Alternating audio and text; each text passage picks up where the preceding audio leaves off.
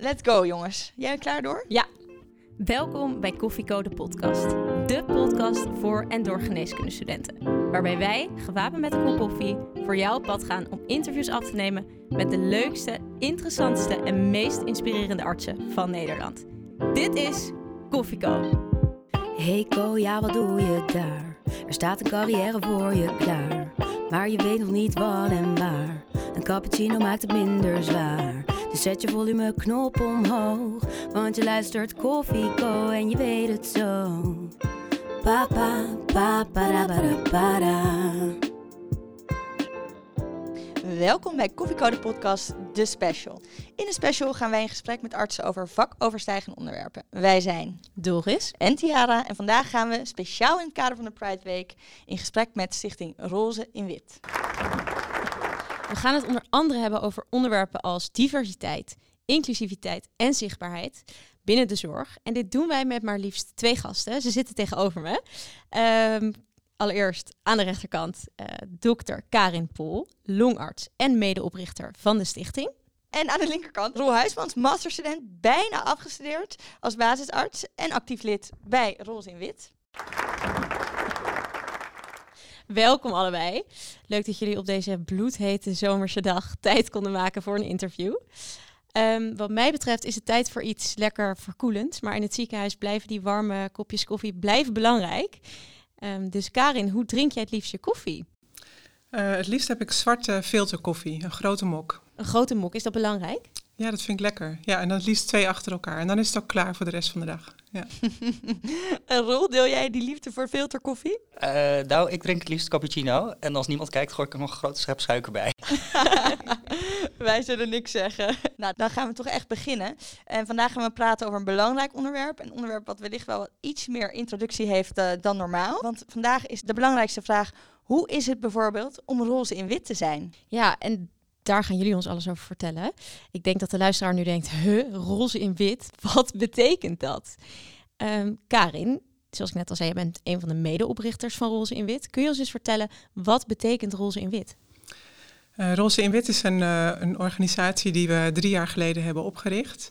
Uh, en eigenlijk voor meer zichtbaarheid van diversiteit in de zorg.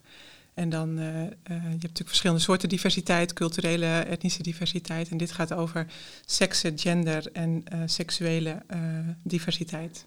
Ja, en wat doen jullie eigenlijk allemaal? Kun je dat vertellen, Karen? ja, we doen eigenlijk heel veel verschillende dingen. Het begon met, we willen vooral meer zichtbaarheid. Dan kan ik misschien even terug naar hoe het is ontstaan, met de gedachte waarom we het hebben opgericht. En dat is zo'n beetje vijf jaar geleden, toen we met een aantal longartsen op een congres waren... Uh, en na het congres uh, met z'n allen aan het, uh, aan borrelen waren. En de meeste van die club waren niet-heteroseksuele collega's. En we kregen het over, nou ja, hoe was jouw coming out op je werk? hoe deed je dat dan? En was dat spannend of niet? En iedereen had daar natuurlijk zijn eigen verhaal in. Maar de gemene deler was wel dat iedereen erover nadacht. Wanneer je dat deed en hoe je dat deed. Dus het was wel een ding. Gelukkig was bij niemand uh, dat er een nare ervaring was, maar wel het feit dat je er zo mee bezig bent, uh, dat kan gewoon beter. En uh, bij iedereen was ook de ervaring dat het daarna gewoon geaccepteerd was door de collega's. En hoe fijn was het geweest als je dat van tevoren had geweten. dus met die gedachte waren we nou ja, aan de gang gegaan. En toen dachten we, kunnen we het voor onze jongere collega's, want wij waren allemaal al gespecialiseerd en hadden een veilige plek en helemaal prima maar kunnen we het voor onze jongere collega's, co-assistenten, studenten, beginnende artsen veiliger maken, makkelijker maken om eerder jezelf te zijn um, door die zichtbaarheid. Dus dat is eigenlijk het initiële idee uh, waarmee we waren begonnen. Maar toen we waren opgericht, toen werd al snel duidelijk dat het om meer ging dan, uh, dan zichtbaarheid. Uh, er was ook nou, wel gebrek aan, uh, aan kennis en aan gesprekstechnieken en patiënten. Het ging ons eigenlijk om de jonge collega's, maar patiënten kwamen ook naar ons toe. Van hoe fijn dat jullie er nu zijn, ik voel me gezien, ik voel me erkend. Dus toen werd het eigenlijk veel ja, groter dan dat. Uh, en nu zijn we eigenlijk met verschillende onderwerpen bezig. zichtbaarheid voor patiënten, voor artsen. we houden ons ook bezig met onderwijs en we proberen ook met wetenschappelijk onderzoek mee te doen. Dus we hebben eigenlijk vier pijlers waar we nu aan werken. Oké, okay. en eigenlijk wat mij dan het eerste binnen schiet, wat ook op jullie website staat, zijn de letters L, H, B, T, I, volgens mij ook nog een Q sinds kort plus. Ja, zeker. En misschien is het uh, wel een goed idee, Roel. Ik kijk meteen naar jou. Je begint al te lachen. We hebben het er natuurlijk over gehad. Dat jij ons een klein mini-college kan geven van wat houden die letters ook weer in. Zodat we met uh, de goede gedachten dit interview in kunnen gaan. Zeker, zeker. En voordat we naar de letters gaan, moeten we misschien eerst drie basisbegrippen even kort toelichten. He, gender en seksuele oriëntatie. Um, eigenlijk heel erg in het kort. Um, seksen, biologische seksen, is waar we het meestal over hebben in de zorg. En dat is eigenlijk, nou ja, wat heb je aan uh, kenmerken die je man of vrouw maken. En dan niet alleen uitwendige geslachtsorganen, uh, maar ook inwendige geslachtsorganen, je chromosomen, de hormoonbalans. Uh, dus eigenlijk de biologie. En als je het hebt over gender, dan is het, heb je het meer over hoe voelt iemand zich. voelt iemand zich meer man, voelt iemand zich meer vrouw, voelt iemand zich non-binair, kunnen ze zich niet vinden in, in die man-vrouw verschillen. Um, dat is meer de, de socio-culturele uiting van de rollen in de maatschappij. En dan heb je de seksuele oriëntatie. Dus dat is je romantische en seksuele aantrekkingskracht tot een ander. En eigenlijk kun je al die letters ophangen onder een van die drie begrippen, want ze zijn wezenlijk verschillend. Nou, de eerste paar letters uit het alfabet, die zijn voor de meeste mensen uh, wel te doen. De L, uh, in het Engels lesbian of in het Nederland lesbienne. iemand die zich identificeert als vrouw en ook dus op iemand valt die zich identificeert als vrouw. En dan hebben we het dus over seksuele oriëntatie. En dan komen we bij de H, of in het Engels de G. Nou, die staat voor homo of homoseksualiteit en in het Engels voor gay. Dus dat is iemand die zich identificeert als man en dus valt op iemand die zich ook identificeert als man. Uh, en in Engels, uh, gay, wordt ook meer een soort van paraplu-term gebruikt voor eigenlijk de hele community. Um, dan kom je bij de B. Hè, we hebben het nog steeds over seksuele oriëntatie, dus biseksualiteit. Dat is iemand die zich aangetrokken voelt tot zowel mannen uh, als tot vrouwen. En T, dan gaan, stappen we af van de seksuele oriëntatie, maar dan gaan we naar gender en genderidentiteit en genderexpressie. En iemand die, de T staat voor transgender. Dus dat is iemand die voelt zich zijn gender, die identificeert zich niet um, met hun biologische seksen. Dus dan gaan we een beetje naar, naar seksen en gender en die interactie daartussen. Um, en als dus uh, jouw innerlijke identiteit, je genderidentiteit, niet strookt met nou ja, de biologische seks waar je bent geboren, dan noemen we dat transgender. En iemand kan zich zo voelen, uh, maar iemand kan zich ook zo uit. Dus het is een verschil tussen genderidentiteit en genderexpressie. Niet iedereen die zich transgender voelt, wil ook daadwerkelijk in transitie of gaat ook daadwerkelijk in transitie. Um, ja, waar zijn we nou, hè? Ja. dan wordt het lingo met de letters. bij de i. Ja, bij de i. Um, dan gaan we eigenlijk weer uh, naar uh, seksen toe, naar biologische seksen. I staat voor interseksen. En dat zijn mensen die uh, zijn geboren met zowel geslachtskenmerken van mannen als van vrouwen. en daar zijn heel veel verschillende soorten in. En daar ben ik ook niet de expert in. Um, maar dan heb je dus puur over, over seksen. Uh, en dan heb je het nog niet over de genderidentiteit van die persoon, want dat kan natuurlijk ook ontzettend verschillen. He, niet iedereen die intersex is, voelt zich dan ook daadwerkelijk non-binair of die identificeert zich als non-binair. Uh, maar ze kunnen zich ook bijvoorbeeld als mannelijk of als vrouwelijk identificeren of daar een beetje fluïde in zijn. Uh, genderfluid, dan komen we al bij een van de termen die onder de plus valt. Oh. Nou goed, dan hebben we de LHBTI gehad. Q wordt er vaak ook nog bij genoemd. Uh, dat Q staat voor queer. En queer dat, nou ja, wordt eigenlijk in de community op heel veel verschillende manieren gebruikt. Um, en eigenlijk kun je het ook bijna voor alles gebruiken. Hè. Mensen zeggen wel eens, ik identificeer me als queer. Nou ja, en wat dat dan is in een van die letters, ja, dat laten ze dan lekker in het midden. En dat hoeft ook niet per se gedefinieerd te worden. Dus ook dat is een soort van paraplu-term uh, voor alles. Wauw, oké. Ik, ik heb nu al heel veel geleerd. Ja, ik ook. Gelukkig, gelukkig maar. Daarvoor zijn we hier. En dat, we hadden het er ook even, dankjewel Roep trouwens voor deze enorme duidelijke uitleg. Um, we hadden het er net al een beetje over voor het interview van, ja, wij weten er eigenlijk ook heel weinig van. En dat is ook de reden waarom we... Uh, waarom we dit eigenlijk doen, om er meer over te weten. Maar het kan zijn dat we dus af en toe misschien het niet helemaal op de juiste manier zeggen. Dus geef het vooral aan als we, dat, uh, als we het niet goed doen.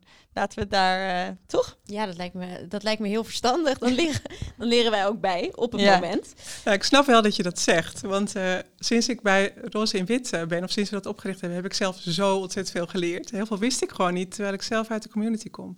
Dus ik snap het heel goed dat mensen een aantal dingen niet weten. En dat proberen we heel erg te verbeteren. Kun je, kun je één voorbeeldje geven van wat je recent hebt geleerd, wat je daarvoor nog niet wist, door Roze in Wit? Nou, eigenlijk vooral wel dat er uh, dat er binnen de verschillende letters bepaalde gezondheidsissues spelen. En eigenlijk is dat wel, als je, zolang, als je ze weet, dan denk je, ja, is ook wel logisch. Um, maar toch schrok ik er wel heel erg van dat ik dat niet wist. Bijvoorbeeld dat, dat uh, veel hoger is onder transpersonen. Of dat er meer angst en depressie speelt. En dat heeft natuurlijk te maken met dat je vaker mishandeling hebt meegemaakt of verstoten bent. Uh, maar ook dat er meer verslaving voorkomt, vooral bij de L en bij de H en bij de B. Met alle uh, problemen van verslaving van dien, alle gezondheidsrisico's.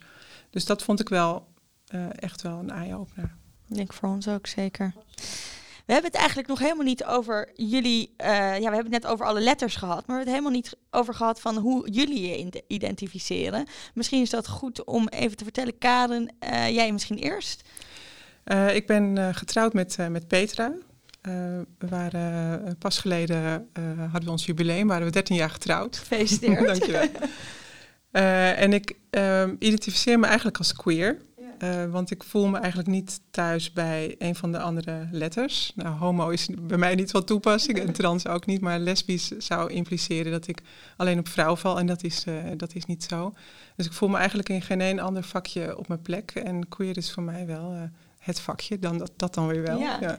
Roel, ja. Hoe zit jij in de letters? Ja, je zit er heel goed in. Maar... Ja, zeker, zeker. Nee, nou, ik kom uit bij de tweede letter, bij de H.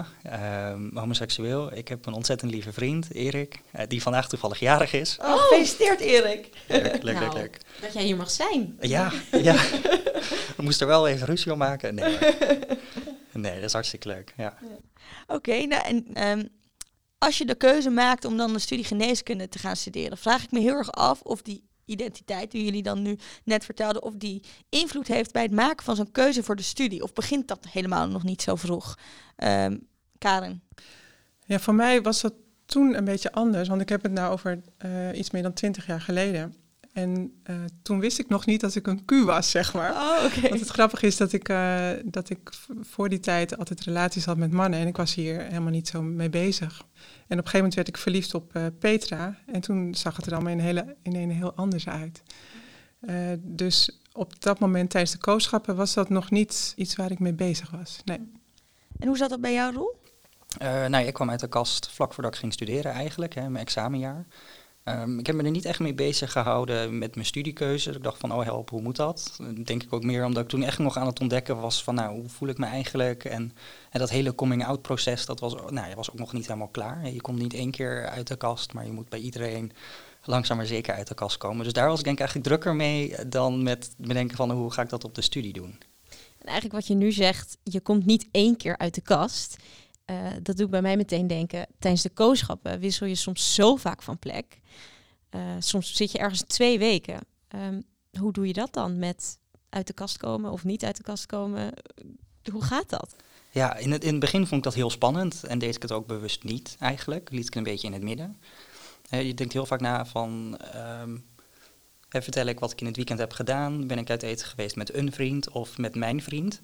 Nou, in het begin, eh, dan praat ik over kooschappen twee, drie jaar geleden. En dan zei ik eigenlijk, nou ja, liet ik een beetje in het midden. Of dan zei ik een vriend. Um, maar ik ben er wel over na gaan denken van, hè, waarom doe ik dat nou eigenlijk? Uh, en ja, je staat inderdaad iedere week, iedere week, iedere twee weken sta je weer op een nieuwe plek. Nieuwe mensen, nieuwe artsen, nieuwe verpleging, nieuwe secretaresses. Um, en iedere keer moet je weer bedenken, ga ik iets zeggen, ga ik niet iets zeggen? En ik heb nu eigenlijk een beetje voor mezelf de keuze gemaakt van, ik zeg het bewust wel. Juist om zichtbaar te zijn. Ja, dan stel ik me maar kwetsbaar op met het risico dat er misschien een keer een vervelende reactie gaat komen, die gelukkig nog niet gekomen is. Um, maar ik zeg nu dus heel bewust wel dat ik naar mijn vriend ga. En dat ik met mijn vriend uit eten ben geweest. En, want je zegt, ik stel me expres dan eigenlijk kwetsbaar op, maar voelt dat ook zo? Ja, ja het is nog steeds altijd wel spannend. Um, ondanks, ik ben nu, uh, hoe lang ben ik uit de kast? Zeven jaar inmiddels, iets meer dan zeven jaar. Uh, en toch iedere keer bij nieuwe mensen voelt het spannend. En het wordt normaler en je voelt je er beter bij. En als ik dan nu denk van nou, als zo'n vervelende reactie komt, ja, dan durf ik er ook wel tegen in te gaan. Of kan ik dat makkelijker van me af laten glijden dan vroeger. Maar toch iedere keer blijft het spannend. En wat is dan hetgeen waar je dan zo bang voor bent? Wat, wat, is, zeg maar, wat is dan uh, de angst? Ja, je bent toch altijd een beetje bang voor hoe iemand reageert. Van, hè, zijn ze er oké mee? Of, of nou ja, hebben ze iets uh, tegen zulke mensen? Ehm, ook de meer van, hè, je hoort heel veel meer verhalen van mensen die op straat lopen en die nageroepen worden, die vervelende woorden naar hun hoofd krijgen of zelfs te maken krijgen eh, met geweld op straat. Ehm, en je wil ook die relatie die je opbouwt met de artsen die je moeten begeleiden, die uiteindelijk ook nou ja, je een beoordeling moeten geven. En als je in het juiste vakgebied zit, ook nog hopelijk een opleidingsplek later. En je wil gewoon dat mensen uh, uh, jou ook leuk vinden en je er graag bij willen hebben. En je stelt je toch kwetsbaar op. Um, ja, dan ben je toch bang voor een negatieve reactie, dat ze jou als persoon minder leuk vinden of toch niet iets met je te maken willen hebben. Ja, dat kan ik me wel voorstellen. Ja. Heb jij dat ook ervaren als moeilijk om soms te vermelden dat je dus met een vrouw getrouwd bent? Nou, nu niet meer. Um, maar bij mij waren het de eerste jaren van mijn werk ook dat ik dacht van ja, als ik maar een goede dokter ben en een aardige dokter ben, dat is waar het om gaat. En het gaat er niet om wat, wat er privé allemaal speelt.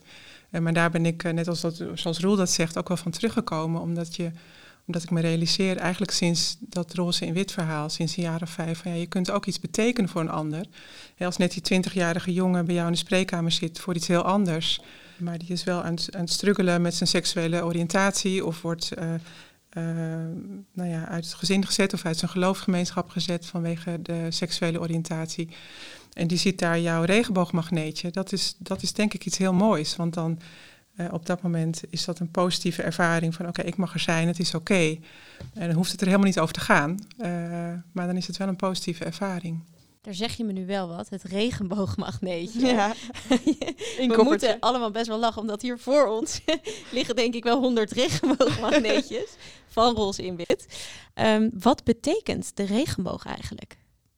Roel, zou jij dat willen uitleggen? Ja, de regenboog is eigenlijk een symbool voor, hè, de, voor de hele queer community. Um, en de regenboog zelf, die evolueert ook weer. Er komen nu nieuwe varianten die inclusiever zijn. Um, waarbij ook expliciet de transgemeenschap in wordt opgenomen. Maar de regenboog is eigenlijk een soort van herkenningspunt voor de hele community. Van, oh, nou, daar hangt een regenboog. Uh, dat is iemand waar ik veilig ben. Dat is iemand waar ik bij hoor. En waar je automatisch verbonden mee voelt. Als je dus de regenboog ergens ziet, dan ja, weet je ook meteen van, nou, dat is een veilige plek voor mij. Zie jij hem wel eens in het ziekenhuis? In het ziekenhuis eigenlijk niet. Ja, met Pride hangt, die, uh, hangt de vlag gelukkig in hoog in de vlag gestokt. Dus daar ben ik heel blij mee. Uh, maar het mooiste zou natuurlijk zijn als die het hele jaar door wappert vanaf het ziekenhuis. Wat zou het met jou doen om een, om een regenboog te zien in, in bijvoorbeeld een arts waar je op gesprek komt voor een kooschap? Wat zou je met je doen als je daar een regenboog zou zien staan? Ik zou me meteen veilig voelen. Um, en dan hoef je het misschien niet eens daarover te hebben. Um, en mensen voor wie de regenboog eigenlijk niet iets betekent, die valt het misschien niet eens op. Maar mensen voor wie de regenboog wel wat betekent, dat zie je meteen. En dan denk je, hé, hey, regenboog, uh, zal dit, is dit, een, eh, dit is een veilige omgeving, kan ik er wat over zeggen? En dan voel je ook meteen vrijer om, nou ja, om, om alles te kunnen benoemen.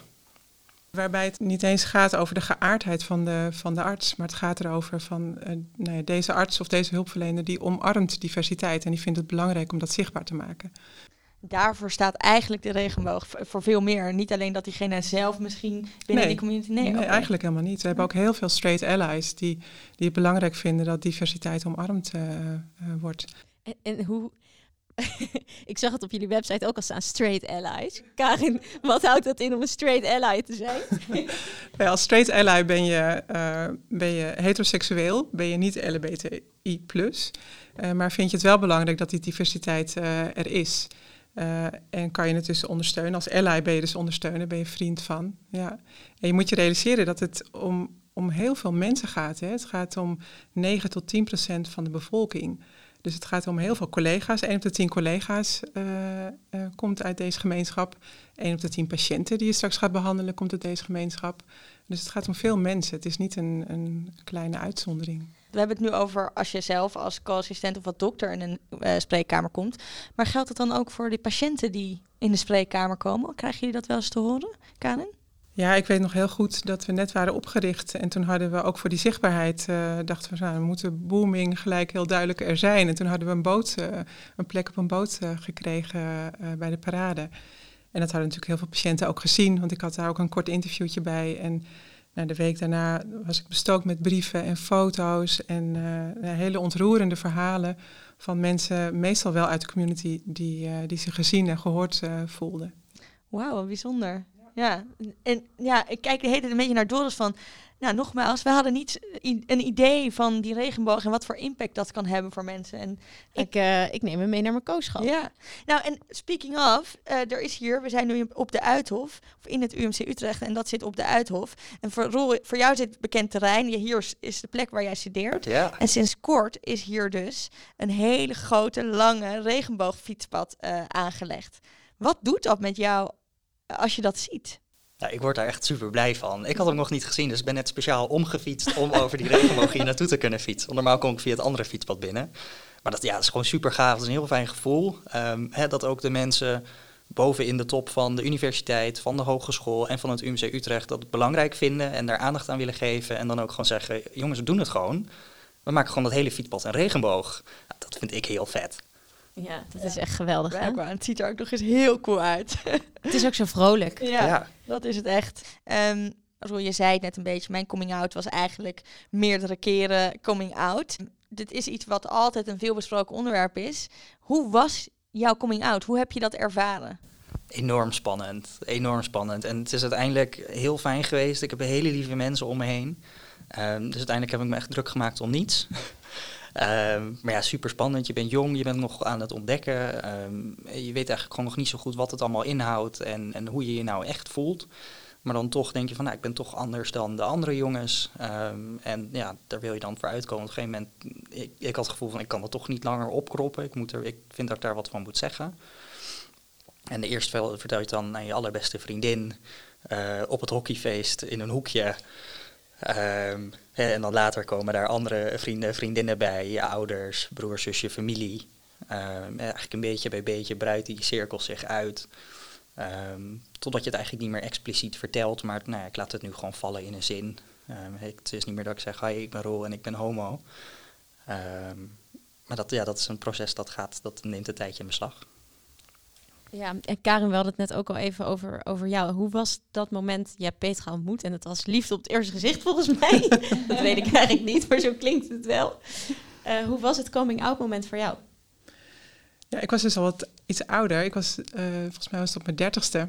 Ehm, en het ja, was eigenlijk voor mij niet heel moeilijk, want er was niemand die heel negatief reageerde.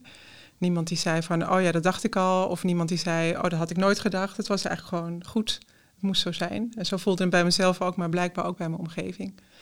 Ik weet nog wel heel goed de coming out op mijn werk. Eh, Dat was wat minder eh, prettig, want toen, toen vertelde ik het en toen was de reactie van een van de oudste assistenten van jeetje, moest je daar nou echt zo moeilijk over doen? Eh, de, wat is er nou aan de hand? En eh, toen dacht ik van ja, dat is aan de ene kant fijn dat diegene dat zegt, want dan blijkbaar vindt diegene het geen issue. Eh, maar je gaat wel heel erg voorbij aan, eh, aan de struggle die je toch kunt hebben en de drempel die je toch kunt hebben om het, eh, om het wel te vertellen. En welke functie had jij toen op dat moment? Was Toen- jij AJOS ook? Of? Ja, toen was ik eh, in opleiding, ja, tot longarts. En, ja, want aan de ene kant denk ik dan van, oh, misschien zei diegene het juist om je goed te laten voelen. Ja, Maar dan is het eigenlijk toch fout omdat je er niet lang genoeg bij stilstaat. Dat is Ja. eigenlijk wat je... ja. Ja, Ja, en, ik, en dat, dat is wel heel herkenbaar. En daarom snap ik ook heel goed ook wat jullie zeggen. Van jeetje, ik had er nooit bij stilgestaan. En we kregen zeker in het begin, of nou nu eigenlijk nog steeds ook wel, de vraag van jeetje, is het wel nodig roze in wit? Hoezo hebben jullie dat opgericht? Want het is toch gewoon. Maar dan, eh, dan, dan kom ik met het antenneverhaal. eh, dat je je als, eh, als hetero eigenlijk niet realiseert dat je antennes ontwikkelt over veiligheid. Want je wordt toch op straat, eh, als je hand in hand loopt, laat ik voor mezelf praten. Ik heb een paar keer de ervaring gehad dat je uitgescholden wordt, bespuugd wordt. Ik ben gelukkig heb ik nooit mishandeling meegemaakt, maar je hebt wel heel veel negatieve ervaringen. Eh, dus je ontwikkelt antennes van waar ben ik veilig of niet. Een beetje vergelijkbaar misschien wel voor vrouwen. Hè? Als je s'avonds laat op straat loopt en je kijkt de straat in, kan ik daarin of niet? Voelt het veilig? Hè? Dat soort antennes over veiligheid. Eh, dus die ontwikkel je. En die antennes neem je dus ook mee op de werkvloer. Dus, dus zeker als co-assistent. eh, elke keer een nieuwe plek heb je die antennes, ga je aftasten. Eh, maar ook als artsassistent om in opleiding te komen. Je, het is toch een hiërarchische eh, situatie nog. Hè? De, in de geneeskunde. Je bent afhankelijk van je, van je opleiders en van de, van de gevestigde orde. Dus je wil niet kwetsbaar zijn. Ehm, nou ja, en die antennes, hoe fijn is het dat je die kan intrekken als je dat magneetje ziet. Maar die antennes maken eh, dat je zo struggelt. Dat je zo aan het zoeken bent, is het hier veilig, ja of nee? En uiteindelijk is het bij jou op de werkvloer dus goed, veilig gebleken. Zeker, ja. En ook die, dus die collega die eigenlijk best wel een, een, een ja, een nare opmerking maakte, hè, bedoelde dat goed. Hè. Dus het gaat niet over kwaad willen doen, maar het gaat over dat je je niet realiseert dat. En ik heb dat zelf ook uh, aan de lijf ondervonden, omdat ik dus tot mijn dertigste hand in hand op straat liep met een man. Niks aan de hand. Uh, en op mijn 31ste liep ik met Peter hand in hand en werd ik bespuugd en uitgescholden. Nou, dat, dat, dat realiseer je helemaal niet voor die tijd. Uh, dus ik snap wel dat het, dat het moeilijk voelbaar is als je dat niet zelf hebt meegemaakt. Dus die stap proberen we eigenlijk uh, te maken met Roze in Wit van, joh, weet dat dit speelt. En op een hele simpele manier kan je die antennes laten intrekken. En dat is eigenlijk een van de belangrijkste dingen. Naast het regenboogvlaggetje, wat kun je als, als dokter doen om die antennes wat meer te laten intrekken? Eigenlijk als straight, als straight als ally. Straight dus. ally. ja. nou ja, een van de uh, belangrijke dingen die je ook kunt doen, naast, de, naast het regenboogmagneetje, is uh, dat, je, uh, dat er sensitievere communicatie komt. He, dus, dus als je een vrouw voor je hebt en het is van belang wat het beroep van de partner is, dat je niet vraagt wat doet je man, maar dat je vraagt wat doet je partner. Want als je aan die vrouw vraagt die thuis een vrouw heeft, wat doet je man, dan ben je die patiënt kwijt. Dan, is dan heb je geen goede connectie meer, want het is voor die, voor die vrouw moet ik, nou moet ik nou uitkomen of niet? Of moet ik er omheen uh, fietsen? Of wat is dit? Uh, dus, dus je bent zeg maar, inhoudelijk ben je iemand kwijt, maar ook in je, in je contact. Terwijl als je het woord partner gebruikt, dan heb je juist een plusje. Want dan voelt die ander van, hé, hey, die, is, die is sensitief voor dat er misschien wel eens een andere relatie zou kunnen zijn dan een heteroseksuele relatie. Dit zijn hele bruikbare tips die iedereen morgen in de spreekkamer kan gaan gebruiken. Wat ook wel al gebeurt. Maar gebeurt het naar jullie idee goed genoeg, die sensitieve communicatie? Roel? Ik denk dat er altijd verbetering mogelijk is. Ja, zeker. Karin, heb je wel eens iets meegemaakt dat je dacht, nou, dit is zo onsensitief? Um, ja, de grappige grapjes die je inderdaad van anderen hoort, die dan niet per se over mij gaan, maar die je dan wel inderdaad oppikt. Uh, ik weet nog wel heel goed, dat was ook tijdens mijn opleiding, dat er dan mensen, ik denk dat het vanuit oprechte uh, interesse was, maar dan bijvoorbeeld willen weten wie het mannetje en wie het vrouwtje is thuis. Nou, dat is natuurlijk, dan heb je natuurlijk geen idee waar het over gaat en ben je natuurlijk echt vanuit je heteronormatieve uh, denkwerk naar mij aan het kijken. Uh, dus dat heb ik wel als uh, voorbeeld. En daarbij realiseer ik me heel goed dat het geen kwade wil is, maar wel nou ja, gebrek aan kennis. En, en dat is eigenlijk wat we willen verspreiden, juist. Ja. En ja, dit is natuurlijk de negatieve kant, maar heb je ook wel eens gewoon dat iemand het zo omarmt of op een hele leuke manier ontvangt? Ja, nou dat is een beetje het verhaal hoe ik bij Roos en Wit ben gekomen. Dat is ontzettend leuk. Ik deed mijn kooschap geriatrie hier in het UMCU. Uh, nou, we zaten hier maar twee weken, dus weer zo super kort. En we moesten een uh, foto van onszelf opsturen met een klein tekstje wie we waren, wat we leuk vonden, wat onze hobby's waren. Want dat kon dan op het bord. En dan wist iedereen wel even die twee weken wie wij waren. Dus ik schrijf heel pontificaal op bij interesses. Nou ja, LHBT en mensenrechten. En een van de, een van de AIOS'en die trok mij opzij en die zei, wat ontzettend leuk, wat tof dat je dat er gewoon opzet. Vertel, hoe zit dat? En uh, nou ja, ik had gewoon een hele leuke klik met haar. En toen zei ze, joh, wil je niet een keer onderwijs daarover geven uh, voor onze hele vakgroep interne, voor, alle, voor alle artsassistenten, voor de AIOS'en? En toen zei ik, heel brutaal, ja, is goed. en toen daarna dacht ik pas, oh help me, hoe ga ik dit eigenlijk doen?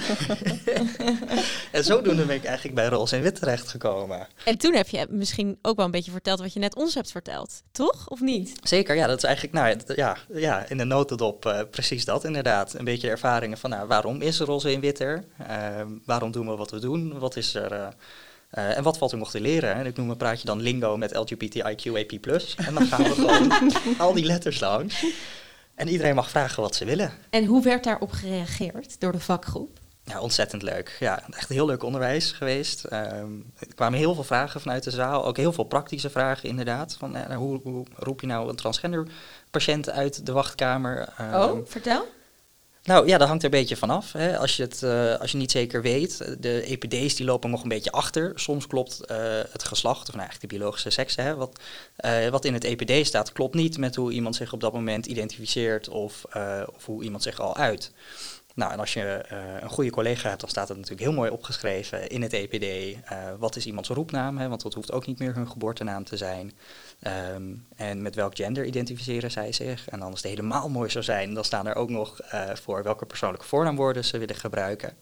Maar als je dat eigenlijk niet zeker weet en je ziet misschien al in het EPD van, oh, hey, dit zou wel eens een transgender persoon kunnen zijn, dan kun je gewoon zeggen patiënt achternaam.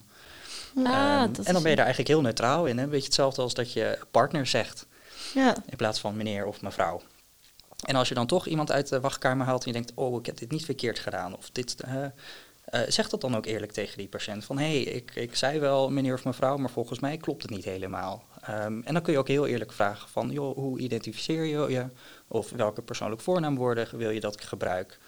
En dan creëer je ook meteen weer een ingang bij die patiënt, in plaats van dat je meteen een muurtje opbouwt. Ja. Het gaat dan over veiligheid voor de patiënt, maar ook gewoon als dokter over je anamnese en de dingen die je nog wil vragen daarna. De co-telefoon. Ja, de co-telefoon. Die gaat altijd als het niet uitkomt. Net zoals tijdens je kooschappen.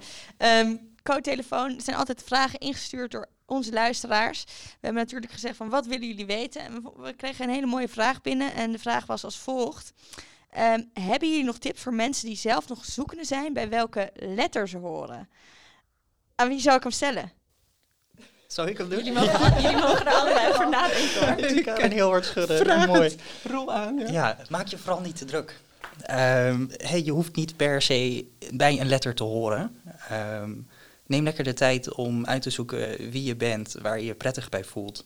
Ehm, en dat hoeft niet meteen een naam te hebben. En als je nu denkt van, nou, ik pas misschien bij die letter en dat zeg je tegen mensen. En je denkt later toch van, nou, misschien pas ik toch beter ergens anders bij. Dan is dat ook helemaal prima. Ehm, maar neem vooral de tijd en de rust om gewoon lekker te ontdekken en te kijken waar je je fijn bij voelt. Karin, heb je nog een toevoeging? Nee, ik vind dat Roel het prachtig zegt. Ik heb er niks aan toe te voegen. Oké, nou hartstikke mooi. Ja, ik, ik, ik zit nog toch een beetje met die letters in mijn hoofd. Weet je waarom? Omdat eigenlijk is het hele doel van die letters is niet in hokjes denken. Of het hele doel van iedereen mag er zijn, iedereen is gewoon gelijk. En toch creëer je hokjes. Dat zit me gewoon een beetje dwars. Hebben jullie daar geen last van? Ja, ik heb daar ook wel een beetje last van. En dat is inderdaad heel dubbel, want ehm, eh, je wil juist inderdaad niet die hokjes. En je wil juist dat eigenlijk eh, diversiteit normaal is. En niet dat het geaccepteerd moet worden, maar dat het een normaal fenomeen is in de maatschappij. Dat, nou, laten we zeggen, 10% van de bevolking niet cisgender heteroseksueel is. Ehm, maar die hokjes die hebben natuurlijk ook wel een functie om eh, eh, toch wat inzichten te krijgen, want er zijn wel degelijk verschillen tussen die letters. En ik denk ook dat het wel belangrijk is als je zelf aan het worstelen bent met je seksuele of seks- of genderoriëntatie, eh, dat je je kunt identificeren met een bepaalde groep. Eh, dus dat je kunt kijken, hé, hey, oh, daar, zij zijn net zoals ik, of die hebben dezelfde worsteling als ik, of dezelfde vragen als dat ik heb. Eh, en dat je daar terecht kan en dat je je niet alleen voelt. Dus dat is denk ik wel een belangrijke functie van die hokjes. Maar ik snap wat je zegt hoor, want het is, het is dubbel. En daarmee ben ik ook een Q. Ja, ik snap hem eigenlijk. Ja, en is Q ook weer een groep? Wat, ja, wat ook weer fijn is om bij een groep te horen. En je inderdaad niet alleen te voelen. Ja, ja, en wat je ook kunt zien, hè, is niet die letters meer als hokjes zien, maar als een plekje op de regenboog. De regenboog in de lucht gaat ook langzaam over van kleur naar kleur. En zo kun je ook die hokjes, of, nou ja, de hokjes, de letters ergens op de regenboog zetten. En niet iedereen is fel oranje. Ehm, en de een, nou ja, de een zit wat meer oranje, de ander gaat wat meer richting geel en de ander gaat wat meer richting rood. En zo kun je die termen eigenlijk ook een beetje zien. En wat dat nou precies betekent, dat verschilt ook weer eh, per persoon. En dus ik denk dat het wel helpt om mensen een beetje duidelijkheid te geven van nou, ik zit ongeveer daar. Maar de precieze invulling is heel persoonlijk. Eigenlijk heel grappig dat we dat dan bij de, bij de community zo graag willen weten. Terwijl we hebben het helemaal niet over of ik me identificeer met een ander hetero-stijl of zo. Zo apart. Ja. Maar ik vind het echt een heel sprekend voorbeeld van de, het spectrum van de regenboog eigenlijk. Ja. Waar de letters ook wel belangrijk voor zijn, denk ik, dat dat er bij de verschillende letters eh, ook wel verschillende problemen of, of aandachtspunten kunnen spelen. Dus als je weet dat iemand eh, eh, bij een bepaalde letter hoort, dan kun je als arts, als hulpverlener wel daar meer aandacht voor hebben of specifiek naar vragen. Eh, dus dat is denk ik ook nog wel een, een belangrijke. En heb je het in de spreekkamer als longarts, maak je het wel eens mee dat je uh, specifieke aandacht ergens voor moet hebben als dokter? Uh, als longarts hoeft het niet heel vaak. Uh, uh, voorheen natuurlijk met, in, met, met HIV waren er wel veel longaandoeningen. toen was het wel wat meer belangrijk. Um, nu als longarts en als kaderarts palliatieve zorg ben je wel ook heel holistisch bezig. Dus je wil niet alleen naar iemands lichamelijke problemen kijken, maar ook naar psychosociale problemen en spirituele uh, aandachtspunten. En daarbij komt natuurlijk wel naar voren wat voor heb je een veilig thuis, wat voor relatie heb je uh, en hoe is dat. Dus dan komt het in die zin soms wel uh, aan de orde. Overigens is bij, uh, bij de palliatieve zorg ook heel erg onderbelicht dat er extra aandacht moet zijn voor, voor LBTI.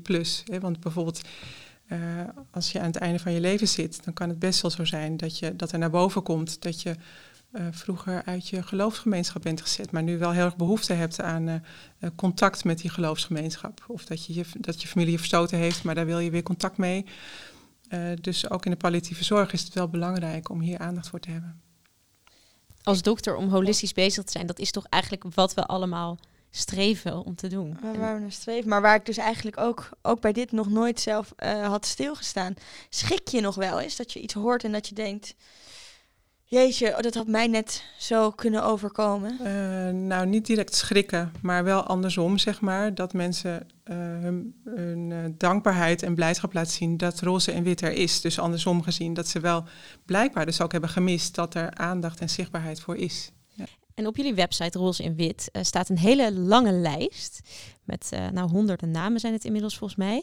Van allemaal zorgverleners die uh, nou, een, een plekje wilden op die lijst. Want je kan je daar dus voor opgeven. Zeker. Wat houdt die lijst in? Ja, die lijst is eigenlijk voor artsen of artsen in opleiding. Dus niet uh, andere zorgverleners. Um, waarbij je kan aangeven van uh, ik onderschrijf het statement van Roze en Wit. En het statement uh, uh, gaat vooral over dat je het belangrijk vindt dat diversiteit er is. En dat je, dat je diversiteit zichtbaar maakt.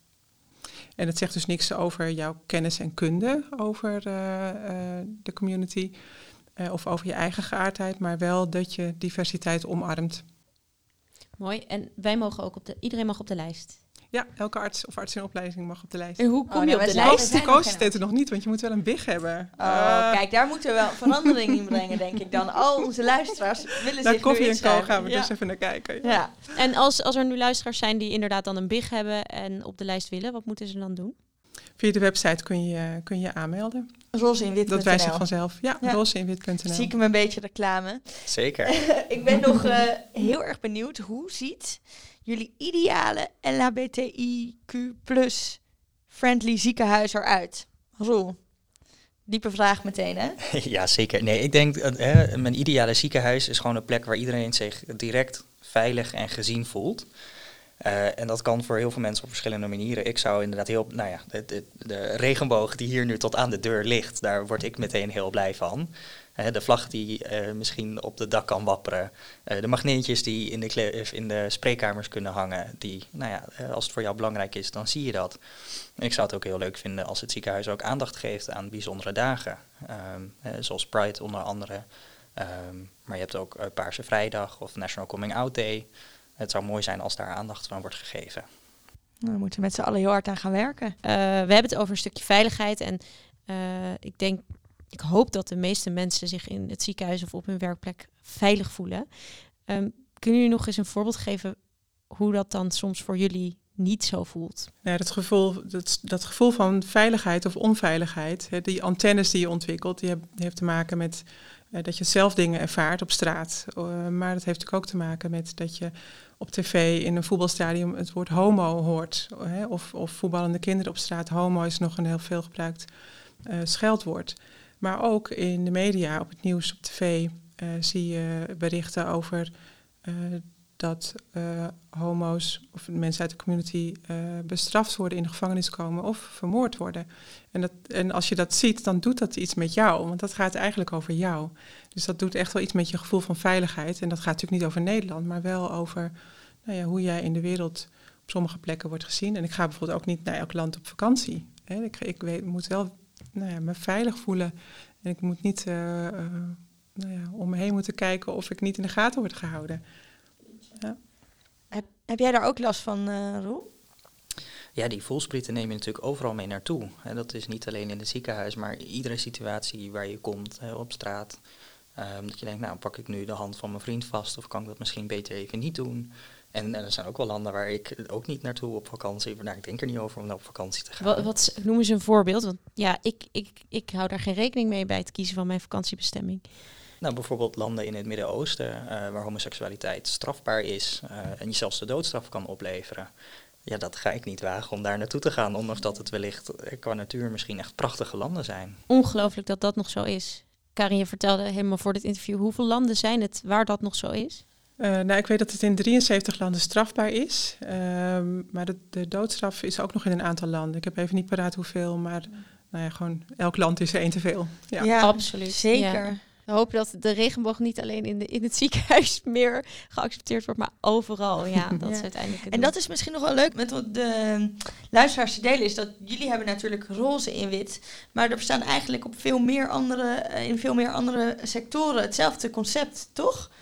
Ja, toen wij, toen wij roze in wit hadden bedacht en toen we het vorm wilden gaan geven van nou, willen we dit echt starten, uh, ja of nee, toen zijn we met een, met een hele groep specialisten bij elkaar gekomen. En toen hebben we Ellie Lust uitgenodigd om ons te helpen van nou, hoe doe je dat nou? Uh, en die heeft ons hele goede tips gegeven en een van de belangrijkste is uh, gewoon beginnen. En dat hebben we dus gedaan. En die avond hebben we ook een naam bedacht en dat werd toen ja, roze in wit, een beetje analoog aan, uh, aan roze in blauw bij de politie natuurlijk. En zo zijn er inderdaad nog meer. Ja. Of je vertelde net dat een van de vier pijlers van uh, roze in wit is ook uh, onderwijs. Um, kun je daar eens wat meer over vertellen? Wat doen jullie daaraan? Ja, we hebben een, een werkgroep opgericht samen met de Universiteit Amsterdam, met Maaike Muntinga. En samen met Alliantie Zorg op Maat. En dat is een organisatie van de Rutgers en van het COC en van Women Inc. die hierover gaan, veiligheid in de zorg. Uh, want we denken dat, dat er meer onderwijs moet komen over dit onderwerp in het curriculum.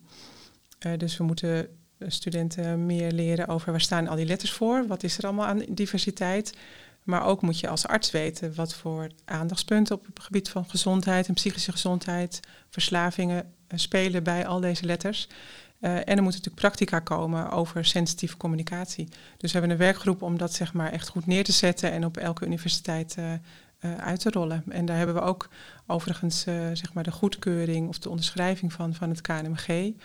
Want dit gaat natuurlijk over veiligheid. Veilige leeromgeving, een veilige werkplek, veilige zorg. dus het KNMG onderschrijft dit en ondersteunt dit. Er komt binnenkort ook een, een enquête. Die is Maaike Muntinga samen aan het maken met, met Jason. Uh, voor studenten, voor co-assistenten, van uh, hoe belangrijk vind jij dat, het, dat dit onderwerp in het curriculum komt? Wat mis je? Wat zou je willen weten? Um, dus, uh, dus allemaal graag die enquête invullen. Hij komt binnenkort naar jullie toe. Leuk. Nou, jullie hebben gelukkig al een tipje van de sluier gegeven voordat het in het curriculum komt. patiënt en partner zijn al twee dingen die je nou, zo makkelijk kunt veranderen in jouw communicatie. Dus dat is heel mooi. We gaan naar het einde van ons interview. En ik hoop dat onze luisteraars echt heel veel hebben geleerd. En er is nog één ding waar ze ook heel veel kan, van kunnen leren. Wat ze elke keer doen tijdens het luisteren naar een van onze interviews. En dat is namelijk de belangrijke tip. De tip die, voor een jonge dokter. Dus ik wil jullie graag vragen van... Roel, wat is jouw tip voor de jonge dokter? Stop altijd eten in je zak. Tijdens kooschap bedoel je? Ja, ja. altijd. I agree. Dat vind ik een hele leuke, ja. Al denk je dat je vijf minuten weggaat, eten in je zak. en, en wat zit er dan in jouw zak? Oeh, meestal een suikerwafel. Um, eigenlijk alles met, met snelle koolhydraten en suikers. Oké. Leuk. Karen, heb jij ook zo'n handige tip? Karen ligt nog even te Ik heb eigenlijk niet, een hele, niet zo'n praktische tip, maar meer een tip over blijf alsjeblieft jezelf. Het is een beetje cliché, maar het is juist omdat het zo waar is. Weet je, uh, jij, jij bent uniek, je bent mooi, je bent goed. Blijf bij jezelf, dat is het allerbelangrijkste. Dankjewel. Ik uh, wil jullie echt ontzettend bedanken dat jullie hier met ons over wilden praten. Ik hoop dat, uh, dat het voor iedereen een mooi interview is geweest. Voor mij in ieder geval heel erg. En um, luisteraars, jullie ook heel erg bedankt voor het luisteren. Uh, ik hoop ook dat jullie het leuk vonden. En blijf ons volgen, liken, delen. En doe dat ook met Stichting Roze in Wit. Uh, meld je aan voor de lijst als je je big hebt. En uh, tot de volgende keer.